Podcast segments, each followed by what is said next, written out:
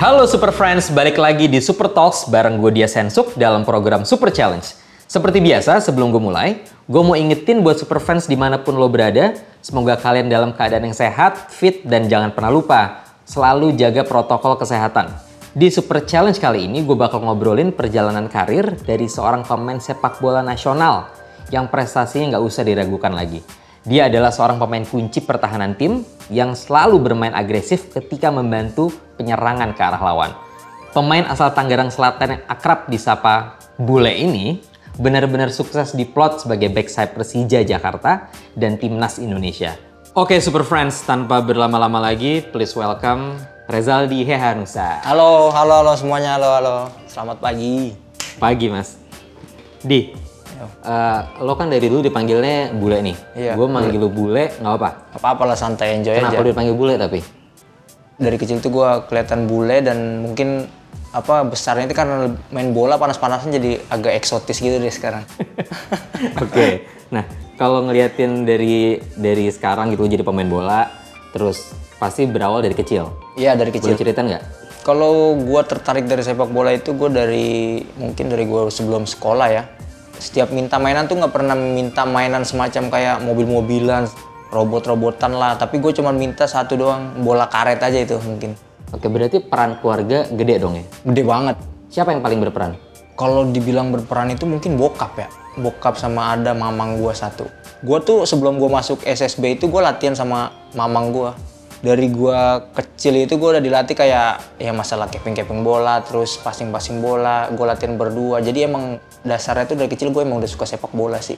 Katanya lu pernah ngikut seleksi pemain muda untuk main di eh, Arsenal. Ya betul. Itu pasti yang yang ikutan pasti ribuan orang. Ribuan. Pengalamannya waktu itu gimana ya? pengalamannya jadi kayak gimana gua waktu itu ada info jadi katanya ada seleksi SSI Arsenal kalau nggak salah SSI Arsenal dan itu seleksinya itu 14.000 orang dua hari seleksi ya kan hari pertama lolos pas itu diciutkan dari 14.000 orang ke 1.000 orang hari keduanya tuh lebih 1.000 orang 14 orang dan akhirnya gue lolos gembira lah orang tua juga seneng dan dari situ ya dari situ tuh gue langsung pindah ke Villa 2000 Nah, itu- habis selesai training camp itu Itu pengalaman lu di sana selama di SSB, SSB Villa 2000, kompetisi sepak bola lu udah mulai masuk tuh ya? kalau mulai kompetisi sepak bola itu gue kalau nggak salah sebelum di Villa 2000 deh.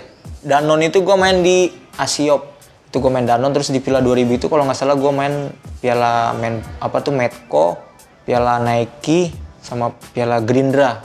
Dan mungkin habis dari Villa 2000 itu gue langsung pindah ke Liga 3 kalau nggak salah Persi Tangsel ya? si Tangsel gue ke Liga 3 Makin serius lagi berarti wah kan? itu gue makin serius Nah itu boleh cerita nggak tuh? Dari eranya dari pemilihan Arsenal, habis itu ke SSB Villa 2000, sekarang Persija. Heeh.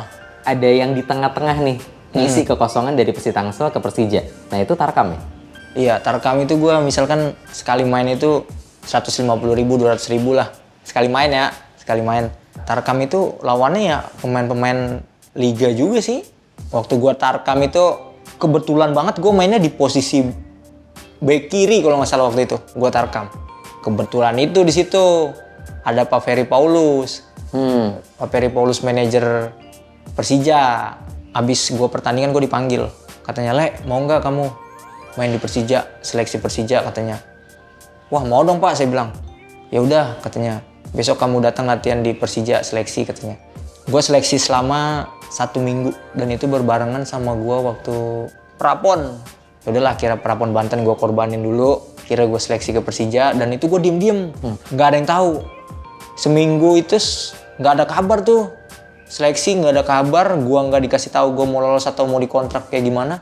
Akhirnya hari hari keberapa ya? Hari keempat apa kelima gue ngilang hari Jumat kalau nggak salah. Gue ngilang ke Prapon Banten karena gue di situ gue udah maksudnya dalam arti udahlah gue pasrah ya kan nggak ada kepastian udah seminggu juga kan. Gue berangkat malam sampai pagi di Banten gue latihan pagi selesai latihan gue ditelepon. Ditelepon gue sama Pak Ferry Paulus ke mana le? Nggak datang latihan. Wah Pak saya kira sih nggak lolos seleksi. Enggak katanya. Kamu mau dikontrak sama Persija katanya. Kamu di mana nih sekarang? katanya. Saya di di Banten Pak lagi Prapon Banten. Waduh ya udah kamu balik sekarang. Tanda tangan kontrak sama Persija. Ya udah langsung gue balik gue packing barang buru-buru gue telepon orang tua gue gue balik gue langsung naik naik bus. Berarti berarti di momen hari itu yang rubah hidup lo sebenarnya. iya itu bener-bener itu kayak ya? kayak gimana ya hati gue beneran nih gue dikontrak Persija tim besar lagi ya kan? Beneran nih Di umur? 20 tahun. Sekarang gue di Persija udah nyaris 6 tahun. Wah terharu banget ya kan tim besar gue tercapai gitu loh. Maksudnya gue bisa main bener-bener di dari kecil gue pernah ngerasain gagal gue pernah ngerasain jatuh segala macem gue pernah ngerasain kayak diremehkan orang. Tapi di umur yang 20 itu gue bisa masuk Persija itu gue ngerasa bangga gitu. Selama ini gue latihan berhasil dong gue bilang. Boleh di-share nggak? Pola latihan seperti apa yang lo terapin ketika lo berubah jadi pemain sepak bola yang levelnya jauh lebih profesional?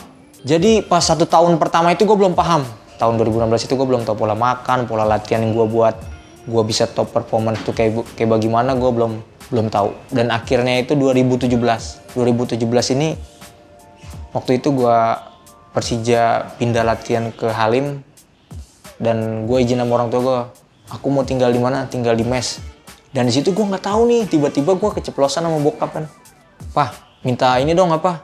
Gaya latihan, gaya latihan fisik segala macem ya kan. Kayak kayak gimana sih yang benar-benar bisa bikin fisik itu bugar segala macem. Bokap ngasih masukan, gue terapin tuh. Gue dua bulan apa ya? Iya selama dua bulan sampai benar-benar fisik gue naik ya kan. Setiap gue tidur jam 10 malam, tank tuh. Pagi itu gue bangun jam 5 Gua habis itu gua langsung pakai sepatu. Pakai sepatu gua ambil sepatu, gua sarapan telur dikit, gua langsung ke lapangan latihan sendiri ya. Setiap hari. Setiap hari gua latihan sendiri. Waktu gua tuh udah buat bola doang. Gua main sama temen udah nggak ada itu. Itu bener-bener gua waktu gua di sepak bola. Berarti usaha lo yang pengorbanan lo di waktu, di tenaga semua itu yang ngebuat tahun 2017 itu lo jadi pemain muda Terbaik. Ah, ah, main muda terbaik. Liga 1 ya? Iya, Liga 1. Dan itu gua latihan selama dua bulan setiap hari berturut-turut sampai latihan inti nih.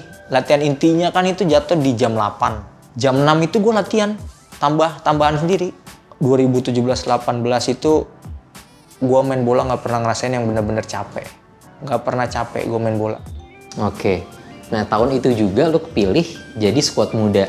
Ya, skuad muda timnas. Jadi gua pas liga mulai, sebelum liga mulai gue uji coba sama timnas. Timnas U23. Pas sebelum uji coba tuh gue minta masukan sama Bambang Pamungkas, sama Ismet Sopyan, sama Maman Abdurrahman. Gue masuk kamar mereka. Dengan itu, alhamdulillah di situ gue mainnya lumayan dibilang bagus. Kira selesai, gue besokannya liga mulai. Pertandingan pertama gue main bagus. Pertandingan kedua gue main bagus. Pertandingan ketiga gue main bagus lagi akhirnya gue dipanggil. Dipanggil timnas itu gue dulu itu sempat dibilang itu gue katanya nolak panggilan timnas. Oh, kok gitu? pas tes pas pemanggilan pertama itu gue nggak datang gue cedera. Akhirnya gue bener-bener stres di situ gue bisa dipanggil lagi apa enggak ya? Akhirnya bulan depan ada pemanggilan lagi. Masuklah nama gue gue nangis. Sumpah gue nangis. Itu gue habis latihan habis latihan pagi. Itu momen terbaik banget pertama. Maksudnya dipanggil timnas ya. 2017 itu gue ngikut apa? Kualifikasi piala AFC kalau AFC U23 SEA Games U23 dan di situ gue juara tiga dan alhamdulillah gue di timnas itu inti posisinya dan Keren. itu gue nggak nggak nyangka juga sih gue Oke. bilang Lo masuk ke timnas, ketika lo masuk timnas bawa nama negara ya? Le? Bawa na- Bawa nama nama negara, berbarengan sama semua tim, dan lo masih muda. Lo ngerasa beban gak sih sebenarnya? kalau dibilang gue main beban itu gue nggak ada beban karena satu gue berpikir juga karena gue bukan siapa-siapa tadinya nggak ada yang kenal gue kenapa harus gue beban gue bilang ya kan walaupun gue main di timnas lebih beban itu ketika gue itu dapat pemain terbaik Liga 1 dapat pemain terbaik Piala Presiden habis dari situ juara Piala Presiden terus juara Liga 1 itu beban lebih beban orang udah tahu gua Oke, Le. Selama lo main berseragam timnas, lo ngasih semua yang lo bisa, lo all out, lo ngasih yang terbaik. Berarti sebenarnya ketika lo enjoy, lo pasti ngerasain banyak banget super momen lo selama lo berseragam timnas. Iya. Boleh nggak sebutin atau ceritain salah satu yang yang menurut lo yang terbaik?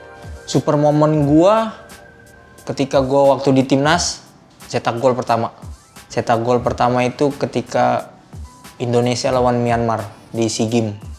Itu super momen gua, gua cetak gol tapi gua dari bangku cadangan. Gue dicadangin mungkin pelatih ngerasa pemain capek habis semifinal segala macam dicadangin. Akhirnya ada yang pemain yang cedera, ada pemain yang cedera posisinya back dan gue dimasukin di menit ke sekitar 21 menit 21. Pas di babak pertama itu kita kalah 1-0 Myanmar. Babak kedua akhirnya Evan Dimas cetak gol, Septian David Maulana cetak gol, dan terakhir penentuan gue yang cetak gol. Itu di menit sekitaran 79 apa 83 kalau nggak salah. Itu bener-bener gue cetak golnya itu bener-bener kayak gimana ya? Ya itu posisi gue yang aslinya di gelandang tadinya. Itu gue syuting itu dari gelandang, tapi gue main posisi back tapi gue masuk ke tengah. Tiba-tiba gue cetak gol spektakuler dan itu tendangan dari jauh gue bilang, wah gue nggak yakin bola ini masuk. Kenapa bola ini masuk ke waktu semifinal aja dalam hati gue. Biar bisa Indonesia masuk ke final gue bilang. Sampai orang tua telepon, wah luar biasa gue bilang golnya. Itu nggak mungkin nggak mungkin dilupain tuh ya. Nggak mungkin, itu nggak mungkin dilupain. Nah, lu waktu kecil mulai pas zaman sama Mamang pernah mimpi lu bakal ada di posisi ini atau emang lu pas mulai itu lu sama Mamang lu berpikir suatu saat nanti gua mau jadi pemain timnas. Dulu gue nggak pernah ada pikiran gue pemain timnas. Gue dulu cuman berpikir gue bisa main bola, bisa jadi pemain bola itu aja sih. Dulu gue malah sering nonton timnas. Tapi tiba-tiba gue bisa ada di GBK di lapangan dan ditonton orang gitu. Mungkin anak kecil yang lu nonton dulu ya anak kecil nonton idolanya, sekarang gantian. Nah, ya sekarang kayak gimana ya? Lah, gue bisa diidolain gitu maksudnya. Gue bilang nggak percaya juga sih, tapi ya berkat kerja keras gue sih gue bilang. Di situ gue bener-bener kayak nunjukin ya kerja keras gue sih gue bilang karena susah banget sih gue pernah diremehin orang yang tadi gue bilang, gue pernah direndahin orang, gue pernah gagal, pernah jatuh, itu sih. Tadi pertama kali tuh lu sebutin kalau misalnya beberapa orang yang ngedukung lu besar dan berperan besar adalah selain keluarga lu, mamang lu adalah coach lu Iya. yang dari kecil. Nah, petuah apa yang emang bener-bener dia kasih ke lu sih sampai lu inget sampai hari ini? Setiap gue mau latihan, dia panggil gue, kamu bisa kata dia. Dia percaya sama gue, gue harus bener-bener nunjukin. Dan alhamdulillah, gue bisa juara sama dia, gue bisa kepanggil timnas dari pas pelatih dia juga. Gue dapat pemain muda terbaik 2017, pelatihnya dia juga. Gue dapat pemain terbaik Piala Presiden, pemain muda, pemain muda Piala Presiden coachnya dia, dia juga. Terus Piala Presiden pelatihnya dia juga. Gelar banyak itu gue sama pelatih dia, Bimbingan dia ya? bimbingannya dia. Menurut lo tantangan posisi bek kiri itu apa? Sama kehadiran bek kiri yang bagus itu di sebuah tim apakah menentukan? Kalau gue bilang menentuin sih. Kalau buat sepak bola modern nentuin banget back-back sayap itu. Dalam arti membantu serangan. Karena back sayap itu sekarang bener-bener tuh harus membantu serangan sih. Tantangannya ya paling kayak ngejaga lawan aja sih, ngejaga sayap-sayapnya. Dia nggak bisa crossing itu kita udah berhasil. Dia nggak bisa crossing itu dia udah kita udah sangat berhasil. Lo boleh nggak sih, Le, kasih share tips sedikit gitu, hal ekstra apa yang mesti dilakuin bisa biar bisa sampai di posisi lo sekarang? Kalau yang harus dilakuin itu ya ditekunin ya. Sama kita punya kemauan. Dalam arti ya gue bisa. Nah, sekarang kita lagi ngerasain satu momen nih, Le, pesta bola Eropa ya. Seluruh dunia lagi, terutama Eropa, kita juga lagi nonton banget nih. Kesan pesan lo sama kriaan ini apa nih? Hmm. Kalau gue bilang ya kriannya karena gimana ya? Tadinya kan corona ya kan nggak ada sepak bola. Jadi sepak bola ya gimana ya? Jadi ceria lagi gitu. Kalau enggak yang paling lu jagoin tapi yang menurut lo yang kansnya terbesar itu timnas negara mana ya? Prancis. Kenapa tuh? Prancis itu udah matang sih mainnya. Oke, sebutin tiga pemain terbaik versi lo di kompetisi Piala Eropa tahun ini. Belgia ada si Kevin De Bruyne, Kevin De Bruyne terus sama Mbappe. Satu lagi mungkin Kante. Kuda hitamnya tahun ini, Belgia mungkin ya. Materi pemain udah bagus-bagus juga deh sekarang. lo bisa prediksi nggak? Misalnya lo berpikir versi lo ya, juara satu, dua, dan tiga. Kalau gue punya prediksi gue juara satunya Prancis. Prancis finalnya Portugal. Dan ketiganya itu Belgia mungkin. Masih ada nggak sih kayak harapan lo sama cita-cita lo untuk ke depan tuh seperti apa? Harapan gue itu pengen tadinya tuh bener-bener bawa timnas berprestasi ya kan. Belum kecapean sih maksudnya. Belum bisa bawa timnas maksudnya juara Piala AFF atau gimana itu belum. Dan itu masih ada tujuan gue ya pengen itu sih sebenarnya.